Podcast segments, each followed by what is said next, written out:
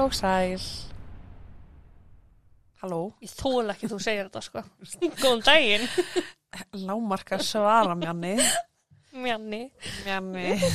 uh, verið velkomin í mórskurinn. Það þakkaði fyrir. Ég heiti Þúrdís Ég er Jóhanna. og ég ætla bara að vinda með beint í málum mitt. Um, Nei, það- herru, má ég minnast það eitt. Ok. Áskriftin okkar er byrjuð. Já. Við höfum ekki tekið það fram hér ég. Þið getið farið inn á patreon.com, skástrík mórskurinn og skráðu okkur áskrift. Það er tæpur þúsund kall, Mm þúsund og fjörutíu krónur á mánuði. Það er rúmur þúsund kall. Það er rétt þér og Jónas, stundum er best að tjá sig ekki e, og í nóvembermáni kom út átta í hildina Já. þannig að getur ykkur sagt mér ekkur ég er að nutta á mér lærin meðan ég tala e, enn og aftur þetta mál er frekar ógeðfelt og ekki við hæfi barna þannig að vinsalast lokið að fyrir mála eirur barningar á meðan þið hlustið Ég hugsa sko, ég þarf að borga sálfræðhjálp fyrir tali og hún er búin að heyra svo mikið að viðbjöða sko. Skilur sem betur fyrir ekki neitt. e, Við ætlum að fara til Japans Ok. Uh, og ég ætla að fjalla um hann Issei Sagawa. Ok. Uh, hann fættist þann 27. apríl árið 1949 í Kobe í Japan. Hann kom úr mjög auðugri og vel, Er þetta K-O-B-E? mér langar ekki að segja þeirra, Það er Kobe. Kobe beef. Frá Kobe. hann uh, Kobe, já já, fla, flott. hann kom úr mjög auðugri og vel staðri fjölskyldu. Fadir hans, Akira, var farsæll kaupsýslumadur sem hafði starfað sem forstjóri Kurita Water Industries sem var bara mjög stórt svona corporate í Japan. Já.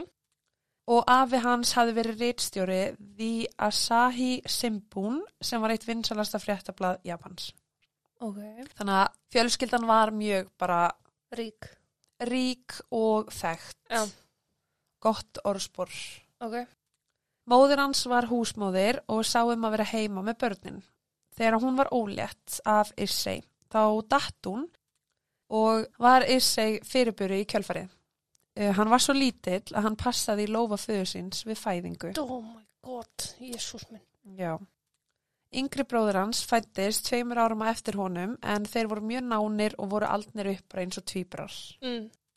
Þegar Issei var barn þá fekk hann garnabólgu eða maga á garnabólgu uh, sem að er sérst sjúkdómur sem að myndast í smáþörmum Mm. og til að meðhandla það þá fekk hann sprautur með kaljum og kalsjum í sérst svona saltvatni. Ok. Á endanum batna honum en sökum þessa fekk hann útlit sem að gerða hann bara mjög veiklegan. Sérst hann var bara lítill og smár um sig Já. og var Já. er sérst svona veikburða. Mhm. Og í kjölfæra því þá var hann sérst bara mjög órygg og með sjálfan sig. Mm. Hann var frekar innkverfur og mikill einfari og í skólanum átt hann fáa vini en áhuga hans á bókmyndum kom honum í gegnum daginn. Það var ákveðin leið fyrir hann að flýja heiminn sem hann hafði ve verið í en það notaði hann ímyndanafnið til að skapa sér nýjan karakter. If you know what I mean. Ok. Hann elskaði að lesa bækur og endaði síðan meir með masterskráði ennsku bókmyndum.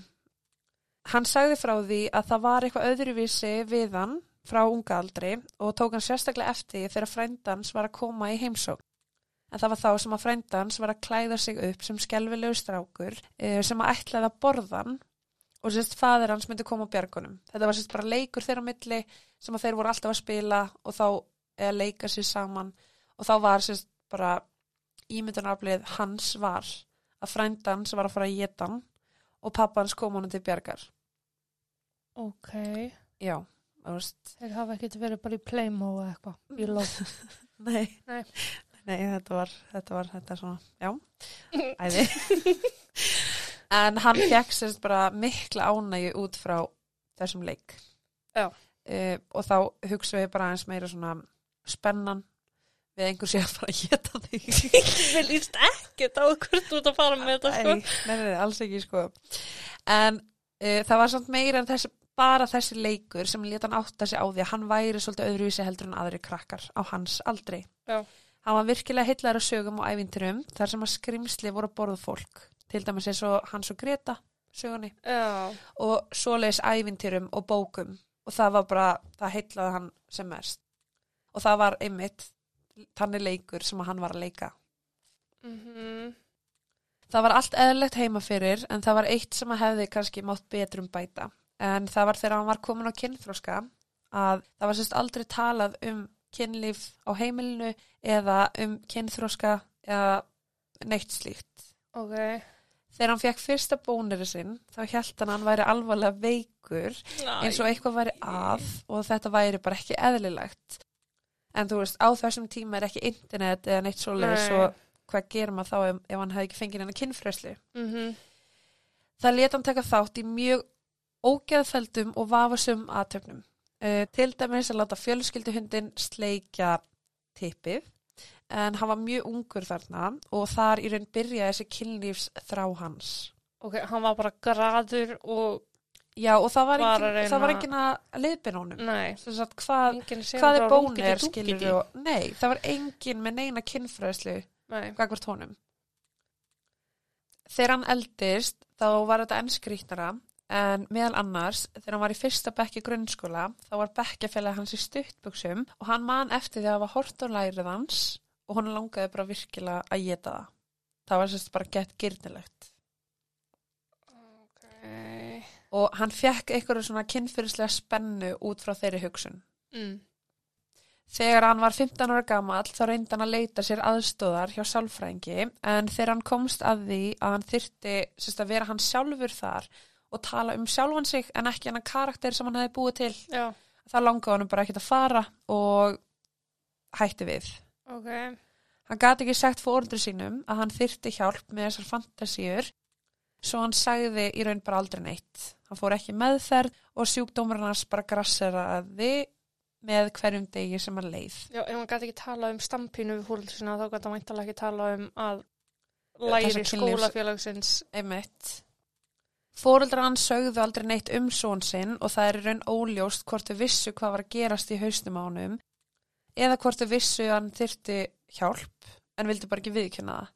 Mm. En það var sko alls ekki skortur á ást á heimilinu en ég held að þetta hafi verið meira svona að þau voru ekki, já þau voru líka ekki beint að spurja hvernig hann hefði það. Þau, þú veist, þetta var ekkit eitthvað svona, fyrir þeim var hann bara kannski barn bara sem að fekk allt. á að það gæti verið eitthvað. Já, Já, þú veist, svona sjúkdómar og þú veist, þessi þráhyggjans. Mhm. uh, þetta er bara eitthvað sem þetta er að, bara eitthvað gerind sem að ræðir ekki við, eða þú veist. já, sem að var bara ekkit þekkt og bara viðgegst ekkit hjá þessari fjölskyldu. Nei. Þegar hann var 24 ára gamall uh, var hann að læra bókmentir í Wako University í Tókjó. Þar sér hann þýska konu og fer að hugsa með sér hvernig hann getur tala við hana eða komist nálægt henni. Tíska. Hann hugsar mikið um hana og fær ákvæmna þráhyggju en það var svo um sömarið sem hann ákvaða að leifa þessum myrku hugsunum að koma og vildi sjá hvert þar leitan. Og þegar ég er að tala um þráhyggju þá er ég að tala um bara hvað, bara þessi kynlífs spenna, Mm mann áts spenna líka. Hann sér hana af og til og áttar sig á því hvaða lest hún er að taka. Svo hann ákveður eitt kvöldið að fylginni og býði fyrir utan íbúðun hennar og þarna var hann búin að vera fylgjast með henni í eitthvað tíma. Mm. Þegar hann sér að ljósin er slögt þá veit hann að hún er að fara að sofa. Hann ákveður að brjótast inn um gluggan og sér að hún liggur rúm, upp í rúmi og sefur nakin. Og þá í raun hugsa hann með sér, ok, þetta er tækifærið. Já. Honum langaði ekki til að drepa hana, heldur einungis að taka eitt bita af henni með sér heim. Oh. Hann leitar af einhverju þungu í kringum sig til þess að geta slegið hana ef til þess kæmi og þurfti líka einni eitthvað beitt til að geta skorið Mm sérst, í lærið og til að taka með og tekur sérst eitthvað svona reglíf og hugsar bara já ok, þetta mun ganga. Eh, hann fer upp í rúm til hennar þar sem hún sefur, hallar sér yfir hana og gerir sér tilbúin til að láta á skarið. Skal að skriða. Já, e, og reynir sérst að klæða hana úr, en við það vaknar hún og byrjar að öskra. Hún grýpur í handleggina á honum og tekur hann niður fram úr rúminu og ringir laurugluna. En við erum alltaf átt okkur á því að hann er smágerður Já, já. og hann er léttur hann er ekkit beint sterkasti maðurinn sem þú getur ímyndaðir sko. Nei.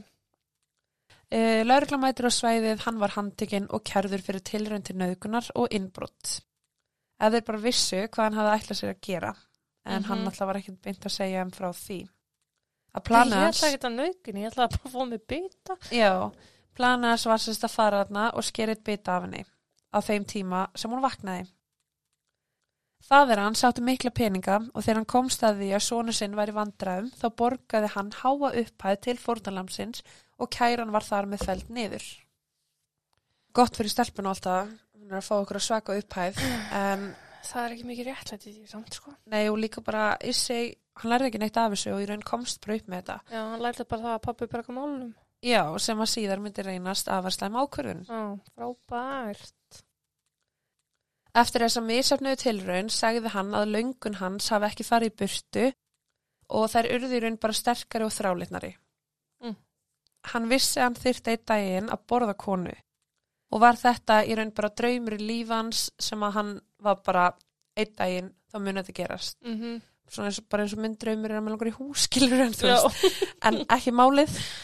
Um, hann endar á því að fara í frí, taka sér smá pásu, kúpla út og fer sérst í siglingu til Greiklands. Þar hittir hann kjöt yðnaðamann og hann hefur mikinn áhuga á lífi hans og sérstaklega vinnunni. Þar eru þeir sérst bara að spjalla. Mm, Hann segir honum meðal annars uh, sérst, kjöt yðnaðamadurinn, uh, hvernig hann sker kjötið rétt, hvaða hnífur er bestur til að skera, í hvaða átt og er í raun bara að fræðan um hans starf. En þetta er alltaf bara ákveðin tækni sem maður þarf að tilenga sér. mm, Uh, kannski ekki ef maður ætlar að skera mannakjöt en Nei. uh, það er annar mál. En hann fekk í raun bara slátrun 101, já. bara kennsla beint í að ykkur bát á Gríklandi. Kjötiðna manninum fannst hann mjög skemmtilegur og var heitlaður yfir áhuga hans. En þeir eru kannski ekki margir sem maður hittir á lífsliðinni sem hafa áhuga á því sama, Nei, sérstaklega ekki eins og þessu kannski. þarna hefði kannski líka viðvöruna bjölduna bara átt að ringja, sko. Já, nema það að þú veist, Issi er hann að búin að vera að segja honum að hann að fara að læra sömu yðngrein og hann og, og hann sé sér satt bara þessar upplýsingar sé að fara að gagnast honum vel í náminu og allt þetta. Mm -hmm. Þessi kjötina maður er bara eitthvað, já, herði, myndu bara í prófunu, skilur og það skera, skera beint á vöðvann, skilur. Já, Þannig að í rauninni er þetta bara algjört win-win situation fyrir þá báða, já. af því að kjötina mann fannst ekki að tala og segja frá sínu og Issi var að læra helling og taka nótur. Uh -huh. Hann endar á þakkunum fyrir allar upplýsingarnar og síðan meir skrifar hann bref til hans með annari þakkaræði. En sérst bara greið maðurinn vissi ekki að hann var að fara að skera mannakjöld. Nei. Enda svo sem Issi hefði sjálfsagt gert það hvort sem hann hefði fengið þessa kennslu eða ekki. Algjörlega. Mm. Árið 1981 útskrifaðist hann úr háskóla og endaði á því að flytja til Fraklands, þá 27 ára gamall. Þar var hann að stunda nám við Sorbonne háskólan að læra samanbur og bókmyndir, eða sérst bara franska bókmyndir. Já. Hann kemur sér fyrir í sérst hverfi í París eh, sem er vel þekkt fyrir mikið líf og sérstaklega á meðal stúdenda. Það var bara svona eins og ákveðin stúdendabær. Já. Á hverju kvöldi fór hann út og kom heim með vændiskonu og sem sagt, hann ætlaði sér í staðin fyrir að borga þeim þá ætlaði hann bara að skjóta þér Já. og það var í raun bara í hver skipti sem hann stóði baki hann þá hafði hann tekið upp byssuna sína en hann gati ekki sapna nægum kjarki til að láta verða af því og ætlaði sérst bara að skjóta þér en einhvern veginn hætti við endaði að borga þeim og þær fóru bara og þetta var ekkit uh, það var, var ekkit vesen Var hann úr að því. sofa hjá þeim samt eða? já, já, já. Já, ok. Tíminn leið og hann var að venjast þessu nýja lífi. Í einum tíma í skólanum hittir hann konu að nafni Rínei Hartwell. En hún var 25 ára og var einnig að sækja doktorskráðu í frönskum bókmyndum. Hún var upprunlega frá Hollandi og var 1,77 á hæf. Hún var velgefin, gáfuð og talaði meðal annars þrjú tungumál. Issei var mjög vingjallu við hana og einn daginn spyr hann hana hvort hún geti hjálpa sér að læra þýsku því hann átti erfileikum með einmitt þýskuna. Mm. Hann sagðist eiga mjög auðugan föður sem myndi borga fyrir það. Svo það væri raun bara win-win situation. Hún kennir hann þýsku og ná, hún fær peningreita frá pappans í staðin. Já. Enn og aftur samþýttu hún að hjálpa honum. Í kjölfari urðu þau góði vinir, þau áttu margt sammeilegt og Issei varð í raun ástfangin af henni og fannst hún bara að vera það fallegasta sem hann hefði séð. Mm. Hann byrjaði meðal annars að skrifa ástabrif til hennar og bauði henn á marga tónleika og listasýningar í París en Rínei uh, sá hann eiginlega bara alltaf svo góðan vin og ekkert meir ég- en það. Já. Þeir fóru nokkru sinnum að djamma á dansklúpi og naut hún félagskapur hans mikið og þau voru bara virkilega góði vinnir uh, vice versa. Í einu brefi sem að hún skrifaði fóröldur sínum þá sagði hún þeim frá Issei hvað hann væri vingjallegur og hversu heppin hún væri að hafa eignast vin eins og hann. Honum hins vegar langaði meira heldur en að vera bara vinir og ekki bara kynfyrirslega heldur langaði honum að geta hana. Ein af ástæðum þess af hverju honum langaði til þess þá að geta hana sérstaklega frekar en einhverja aðra er vegna þess hversu heilsusamleg hún var og falleg. Ég trú ekki sem að tala um þetta sko. Já. Uh, Issei vildi sérst frá orkuna hennar. Uh, honum fannst hann hvorki fallegur niður einhvers virði og vonaðist til þess að með því að borða hana þá myndi orka hennar og fegur færast yfir á hann fattur það mig? Mm, Já, ég bara á ekki til eitt aukatekki orð. Nei, en það var sem sagt hans, hann hjælt bara í alvöru talað að þetta myndi laga líf hans. Þetta, er, sagt- þetta er meira þetta er meira heldur en bara það að hann vilji smakka mannakjöt. Hann þetta er- heldur að það bara gera eitthvað. já, hann, hann, já, Já. Peningar pappans hefðu geta keift hvað sem er, já. En það hefur ekki verið fyrstu kostur. hann þyrti samt sem ára að dreipa hana fyrst og var það eitthvað sem hann átti erfileikum með hann sagði síðan meir í viðtölum að ef Rínei hefði leift honum að drekka þvægi sitt eða gefið honum eitthvað að kynhárum sínum þá hefði það fullnætt löngum hans en hann var hrættur til að spyrja að því skiljalega en þá sem sagt var, vildi hann meina ef hún, ef hún hefði leift honum að hérna drekka hlandi sitt þá hefði hann ekki þurft að drepa hana þá hefði hann fengið orkun hennar sem sagt þannig Ok. Já. Þá hugsa hann með sér að drepa hann og væri auðvildara heldur en að verða óþægilegur og spurja hana sérst, um leifi til að fá að drekka hlundið hennar. Það, maður á ekki verið að hlæja sig sko, en þetta er sko, Þetta er blákaldur önveruleiki, sko. hvað ætla hann að gera við skapa, skapahárin? Skreita kuku? Ekki hugmynd. Nei. Eitthvað. Eitt kvöldið bauð hann heim í mat og baði hann um að lesa fyrir sig uh, ljóð eftir uppáhalds þýska ljóðskjaldið hennar sem hún gerði. Hún seti við borðið hjá honum og var að lesa fyrir hann þegar hann tók upp riffil og reyndi að skjóta hana en byssan var satt föst, svona jamming Stóð á sér? Já, og Ríni heyrði ekki byssunni en ég hafði hugmyndum tilætlanir hans vegna þess að hún satt bara við borðað að lesa fyrir hann ljóð að meðan hann var að dunda sig við þetta bak við hana svo að hann í raun lætur bara eins og ekkert hafi í skorist og þau klára kvöldið og svo fyrir Ríni heim. Ok. Eftir hún fór þá þefa hann af stólnum sem hún hefði setið en það var ennþá ylvaslikt af henni. Og hann enda á því að sleikja hann og sagði við sjálfa sig að það eina sem hann vildi var að fá Rínei út af fyrir sig og gaf sjálfu sér lofvorð þessu kvöldi um að hann ætlaði að geta hana svo hann geti átt hana að eilifu. 11. júni árið 1981 býður hann Rínei aftur í mat og í þetta skipti þá sagði hann henni að hann ætti kassettutæki og honum langaði til þess að taka hana upp og meðan hún las fyrir hann ljóð svo hann geti aft sig í þýskunni. Ok. Þannig að hann sérst geti bara síðan hlusta á hana og síðan aft sig heima fyrir þannig að hún myndi ekki alltaf þurfa að vera þarna hjá honum. Já. Hljómar vel, hún fer til hans og samþykir þetta. Hann býður hana velkomna og setast þau niður á gólfið inn í stofu. Hann býður henni te sem hún samþykti en hún vissi ekki að hann hafi spæka teið með viski. Sko, mér líður samt alveg smá eins og þú takir alveg eftir því að þú ert með te og það er alltaf viski í teinu. En- viski það svo óbáslega yfirgnefandi svona að rífur í bragð.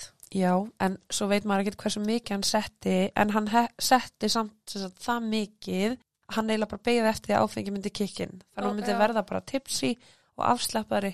Já. Þannig að það var allan alveg slatti hana, en kannski að því að hann var að drekka sjálfur, þá hefur hann ekkert verið að hugsa eitthvað, ó, hann er að, hann er að spæka drikki minn. Þegar einhver tími líður, þá tekur hann eftir því að hún er aðeins afslappari en vanalega, svo hann notar þetta tækifæri og játar ást sína á henni. Hann segir henni að honum langi til þess að fara með henni í rúmi sitt og að hann væri búin að mynda mikla tilfinningar í hennar garð. Á þessum tímpundi var hún í sjokki en það taldi hún bara að Issei væri góði vinur hennar og hugsaði ekkert meir út í það. Hún var að reyna að vera kurteis með því að neyta honum og sagði við hann að hún væri mjög upptekinn og hefði eiginlega bara ekki tími neitt svona en að hún væri mjög þakklátt fyrir vináttuna sem að þau hefðu myndað og sem maður veit eiginlega bara á þessu tímapunkti að vináttuna er lokið. Já, Það það er bara- 100% sko. Hann lét reyna á þetta og ég, ekkit, eh, ég veit ekkert hvernig fólk fer tilbaka út frá því sko. Það er alveg hægt 100% að þetta er samt bara Allavega alltaf vandrarlegt til að byrja með Já, sko. nákvæmlega Issei segist skilja hvaðan hún kemur og er bara, já já, þannig er það ekki lengra. mm. Um, förum að lesa ljóðið, þannig að þau gera það bara. Hún fer að lesa sérst inn á kassetutækina, tækið hans. Já, Hann stendur upp og sækir ljóðbókina sem hann vill að hún lesi fyrir upptökuna. Hún sest aftur niður við skrifborðið hans, kveikir á upptökutækinu og byrja lesturinn. Hún snýr baki hann í átt að glugganum og meðan hún les þá kemur Issei að henni með byssunu sína og skýtur hana. Skoti fyrir hálsin á henni og var það mjög stutt augnablik eftir það sem að Rínei held áfram að lesa ljóðið í sjokki. E, þar til hún datt í gólfi og lést. Sest, hún er bara ennþá að lesa eftir að hafa verið skotin sko. en það er bara eitthvað sem að þú veist líka minn gerir. Já, deyrið ekkit alltaf bara strax. Og áttar þig kannski ekkit á því hvað var að gerast. Næ allt þetta er tekið upp á kassetutæki hans Issi mm, og hún skaut hann sérst í hálsin Já, og kemur hérna út uh, Jesus. munnvikið. Hann sagði að eftir þetta þá datt hann sjálfur í gólfið í sjokki og fjall, fjall í yfirlið. Hann átti raun ekkit annað val núna. Hann var nú þegar búin að ganga í gegnum fyrsta skrefið að draumnum sínum. Hann setti hanglaði undir höfuðunar klættan úr fötunum og naukaði henni. Einmitt. Á meðan hann var að því, þá hugsa hann með sér hvaða part hann ætlaði að borða fyrst. Hann tók eftir því að tennundur hans voru ekki nógu beittar til að geta bitið í gegnum holdið, svo hann fór og sótti ávakstarnýf inn í eldús og reyndi að skera hana með því, en enn og aftur þá var það ekki nógu beitt.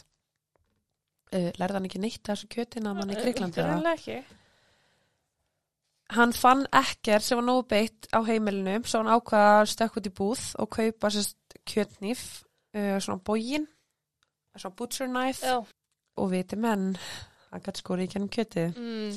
hann byrjar að skera hann í parta og byrjar sérst á rassinum.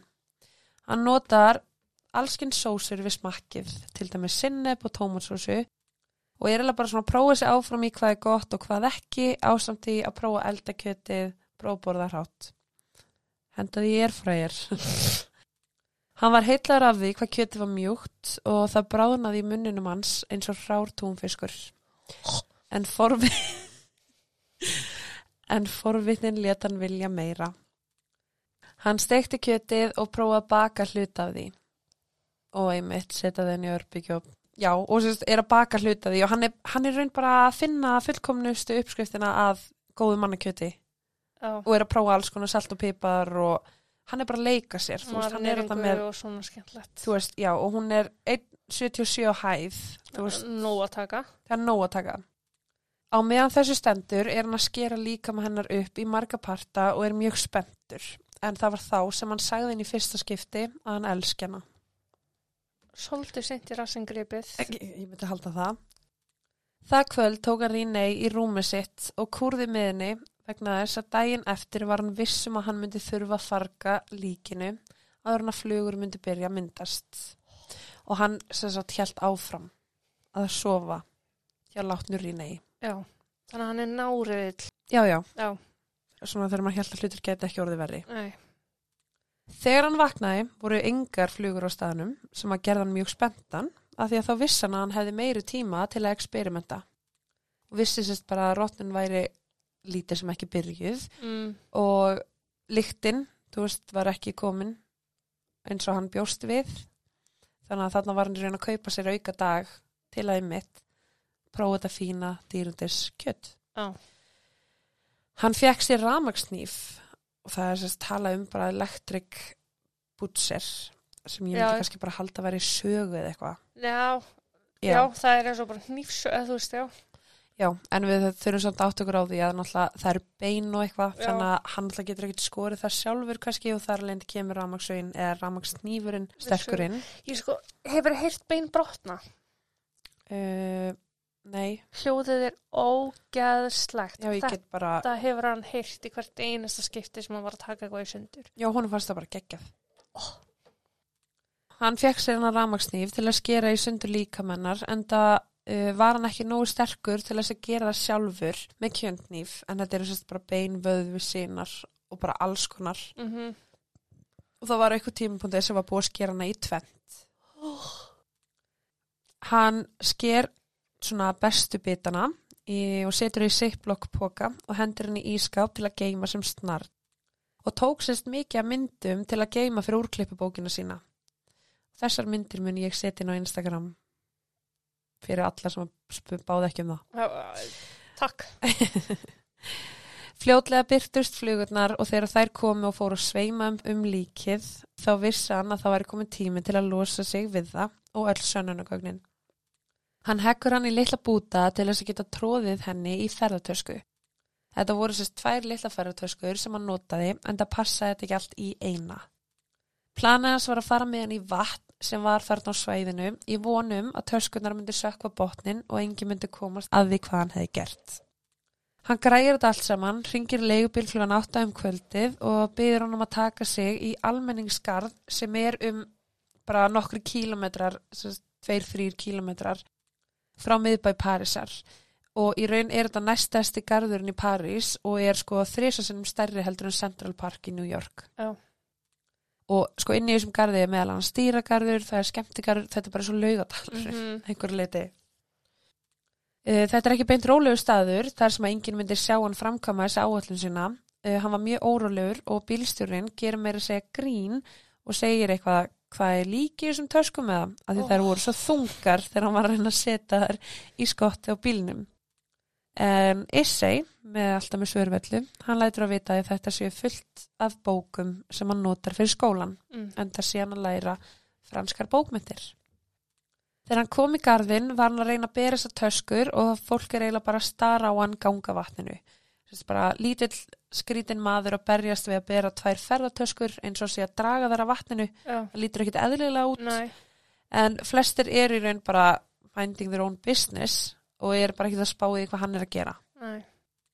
Á endanum fann hann lítið vatn sem var hérna í þessum garði og á leiðinni þangað að þá var hann svo þreyttur að hann þurfti að taka sér nokkra pásur inn á milli og er sérst í raun bara að labba áfram eina, stoppa, labba áfram með hina, stoppa. Ó, veist, þetta er alveg, þetta eru mjög þungar töskur Já, fyrir hann að bera. það er heil manns líka mig í þessum töskum. Já. Uh, í einum af þessum pásum þá sér hann sólsetrið og í raun bara sónar út. Hann er sérst bara, já, komið með eitthvað draumóra akkur þessum stað. Uh, það var þá þegar eldri maður uh, sér hann aðna og sér hann með þessar tvær ferðartöskur og kallar á hann og sérst, hann heldur í raun að hann hafi uh, skilaðir eftir eða sé að gleyma sér. Já, Hann spyr hann hvort hann hafi gleymt töskunni sinni og Issi hugsa með sér, ok, ég ætla bara að segja nei, nei, ég á ekki þessar töskur. Já, já, af því hann vill ekki, fyrst alveg vill ekki enn vittni og vill heldur ekki einhver sem fara að spurja ok, hvað er í þeim? Næ. þannig að hann segir bara, nei, ég veit ekkert hvað þetta er ég er bara hérna að horfa á sólsetri maðurinn sem að hafði spurt hvort að hann ætti eða hvort tölskunar tilherðu í seg var mjög áhuga samur um hvað væri þarna og hann hugsa með sér, ok, leið mér opna töskunar það getur verið, skilur bara túsund dollarar ef ekki meira miljón dollarar í svona töskum Já. heldur bara að þetta sé eitthvað svona Cash drop, eða hvað. Já. Hann opnar ferðartöskuna og sér eitthvað eins og blóð, blóður rúmfött og öskrar morðingi. Eh, Það hátt að flestir sem er í garðinum líta við og hugsa bara "Hva- hvað er að gerast. Já, Það er alveg nett sjokkað úr í garðinum og einhver fyrir að öskra morðingi. Meðan þetta er að gerast, þá er Issi í raun bara að gangi burtu. já. Uh, og hann ætlar ekki að vera þarna þegar að því hann veit hann er að frána töskuna. Mm Hann er í raun bara að láta sig hverfa. Já, og hann leiti ekki eins og þetta tilbaka og svo heyrir hann alltaf bara morðingi og hann Já. bara fjúm, leipur í burtu hvernig?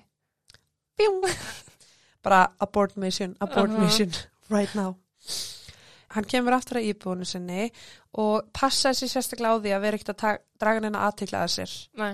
Uh, og var í raun ekki að gera neitt óvinnulegt Lörgla mætur á svæðið og vittni sem að eru hann í gardinum segja frá því að lítill asísku maður hafi verið að koma með þessa ferratöskur og verið að íta þeim sérst niður brekkuna í átt af vatninu.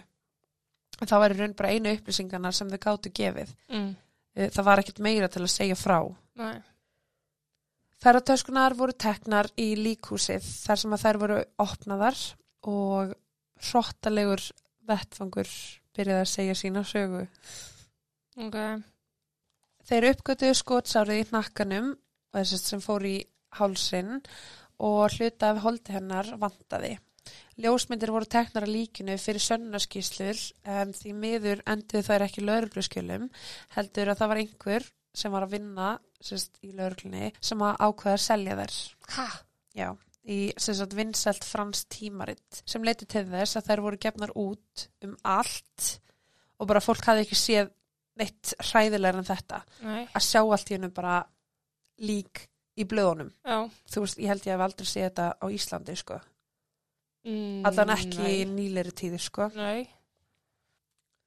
Það var þeim augljóst að einhver hafi borðað kjötið eða sérst, allavega skori bita af því Mhm. og jú, það voru náttúrulega tannafur og eitthvað því hann reyndi náttúrulega til að byrja með að nota tennina sínar. Lauruglan hafði samband við leigubílafyrirtæki á staðnum og spyr hvort einhver aukumannana hafi átt sérst, viðskiptavinn sem var með tvær mjög þungar ferðartöskur með í för. Einn þessara aukumanna steg fram og sagði bara já, já með þannig viðskiptavinn gær. Uh, þetta voru mjög þungar ferðartöskur, sótti asískan mann sem að Mhm. sagðist verið með bækurna sínar. Þú eru ímyndaðir hvernig honum hefur liðið út af brandaranum sínum. Einmitt. Hann líka mitt sagði sko lögreglu sjálfur frá því bara, shit, ég var að grínast með það Já. hvort þetta væri lík. Mm -hmm. Einmitt það er líka bara síðasta sem hún býst við. Já. Allra, allra síðasta. Það leiði ekki lungu þar til að lögreglan mætti heim til Issei, hann tók hann og hann játaði. Hann sagði lögreglunni að hann hafi drepið hana til að borða holdteðanar og málun var þar með lokið. Og bara lögreglan hugsaði með sig frábært fyrir komið játningu, Mm þú veist, hann er bara búin að játa þetta allt og það er í ekkert meira sem við þurfum. Nei, bara case closed. Já. Eftir að hafa verið handtekinn fyrir morðið á Rínei, sagði hann að pappi sinn hafi enn og aftur komið hann til bjargar og borgaði sérst fyrir lögfræng eða verjanda. Sko þrátt fyrir játninguna og þrátt fyrir að það hafi verið sjónarvottur á staðnum sem sá hann með töskuna. Já. Það hugsaði hann bara með sér, ok, hann er búin að játa fyrir lauruglu Mm en hann ætlar að draga tilbaka og ætlar sérst, nú er hann komið lögfræng í málið. Já.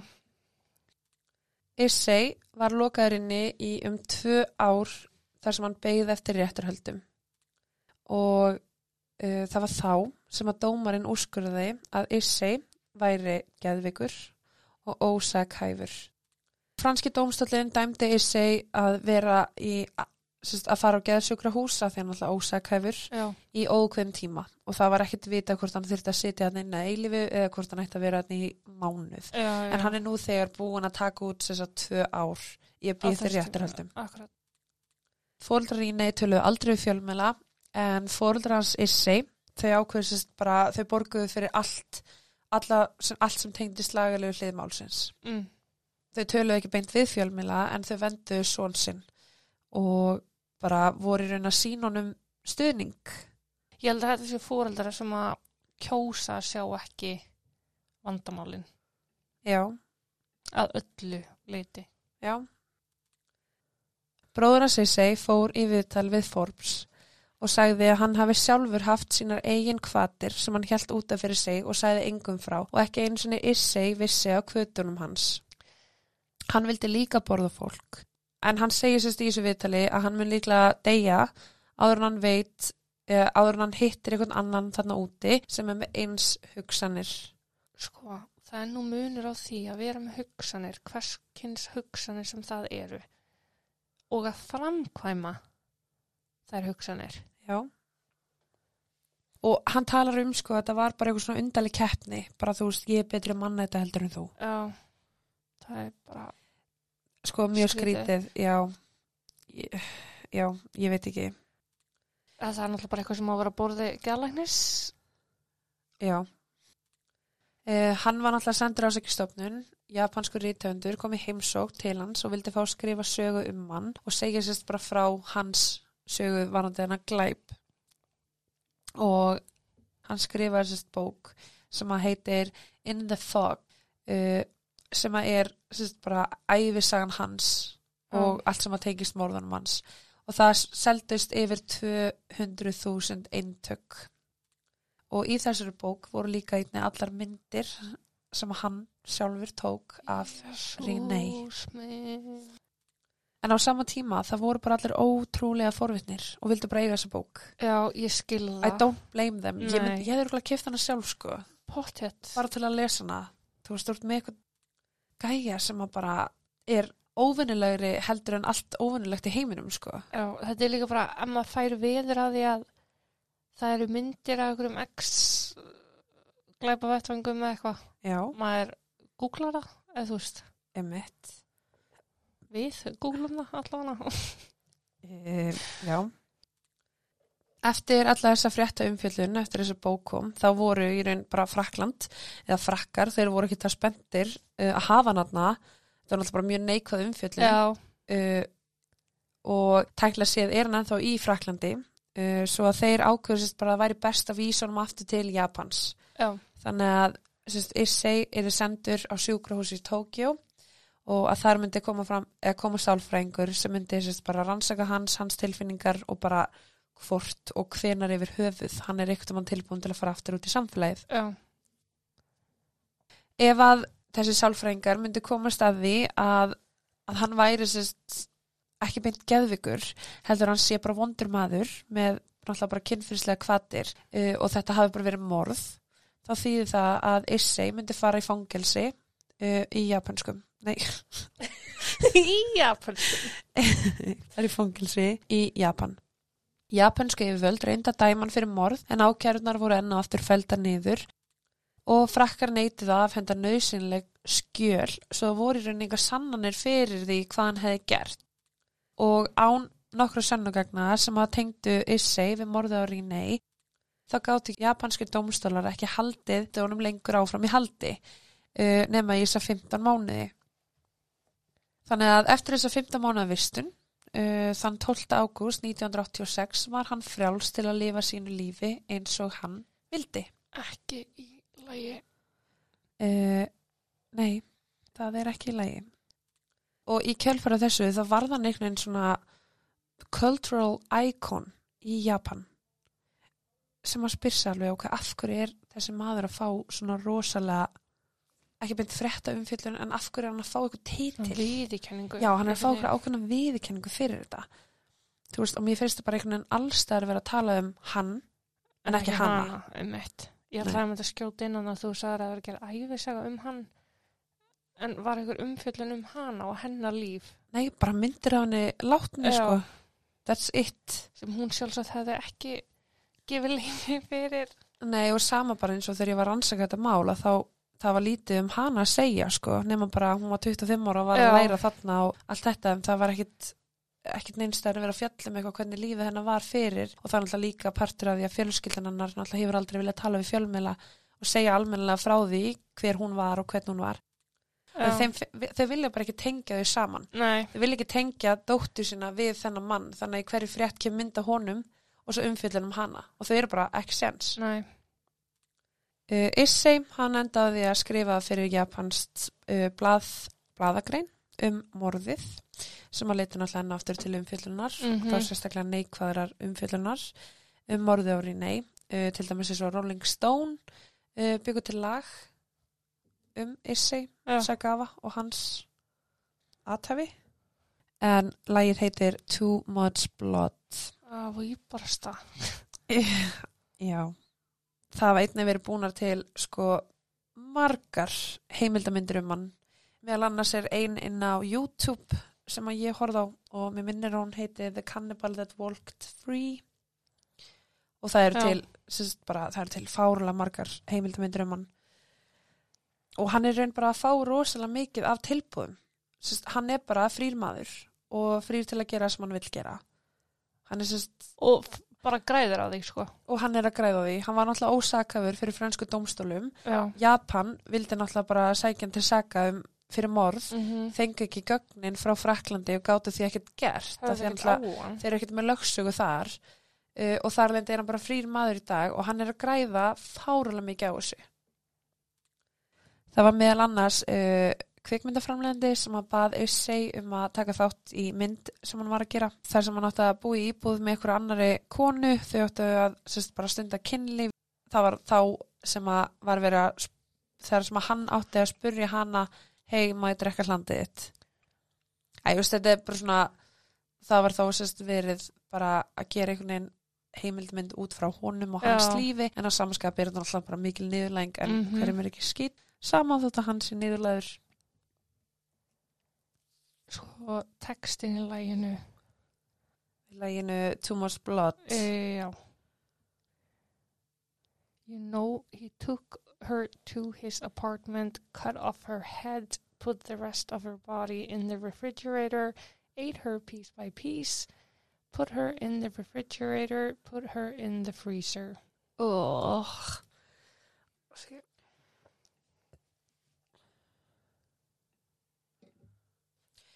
Um, það er sko að tala um að þessi þetta kóstar uh, sem var með hann að leika í þessari mynd já. að þau hefðu sagt, bara myndað uh, ástasamband mm. og það var sagt, eftir eitthvað tíma sem að Issei segir henni frá því að hver fórtíðin hans er og hann sé sagt, bara mannæta og sýnir henni myndirnar sem hann hefði gert fyrir nei og allt sem hann hefði tekið upp og maður hugsa líka bara "Ok, af hverju ferð þú að eiga þessa myndir? Já. Af hverju ferð þú bara að skoða þessa myndir á kvöldin? Ég segi bara að njóta góðs af einhverju ógeðslega sem hann gerði. Það er alveg rétt. 2013 þá var hann sendur inn á spítala af því að hann fekk blóðteppa í heilan og það var bara, hann fekk súrumni skort það var ekkert súrumni sem fór upp í heilan mm. og vaknaði sem græmiti það bara vaknaði hann ekki neitt Nei, eða þú veist, að því að hann var síðan bara í hjólastólu þar til hann lést og þurfti að hafa fólk til að sjá fyrir já, sér. var með einhverju heilabölun bara í kjölfarið. Já, hann gæti ekki borðað. Ætli það heiti bara ekki karma? Uh, Jú, það geti vel verið. Og það er til rosalega mörg viðtöl við hann. Já, það er það sem ég er ekki hrifin af að hann fái þessa umfjöllun. Nei, mér, mér fyrst staðið mitt það er svona það versta en ekki viðegandi aðstóð. Já. Það er bara bílun, sko. af því að það er náttúrulega þessi fymta mánuði sem hann satt inni á sjúkrahúsi Sér ekki högga vatni. Nei Það er ekkert sem hann Hann er bara jafn lasin. Já, og hann reyndi sjálfur að sækja sér aðstöðar þegar hann var yngri, fekk hann ekki Nei. og þetta kannski hefði verið kjörutímbil kannski svolítið seint Já. en ég meina með við Það það, sem að maðurinn gerði og hans hugsanir, þá mynd, ég myndi tellja þetta vera mjög alvarlegt. Þegar hver segir hann hafa ekki gert það aftur? Það er enginn sem veit það. Ég Nákvæmlega. Japan er sko Hjút. góður, það er svo stórt. Að hann líka staðrendinu svo að hann borðar líkin. Já, og þetta var líka, Það er bara, hann er líka einmitt náriðl. já, Þannig að ótrúlegt hvað lífið spilaði eða lék við hann mhm, eftir allt sem hann gerði. jöp, En meira var það ekki dag, nei, þannig að ég ætla ekki að borða út kjöt næstu viku. Nýja túnfisk. fórst með það þarna er svo mjúkur túnfiskbit, uh. Hvernig átti ég að lýsa þessu? uh, ég veit ekki. Vó. En já, herðu, þá segi ég bara takk fyrir mig, uh, þar til næst og ég minni á Patreon Og Instagram, Facebook, og umræðu hópin. og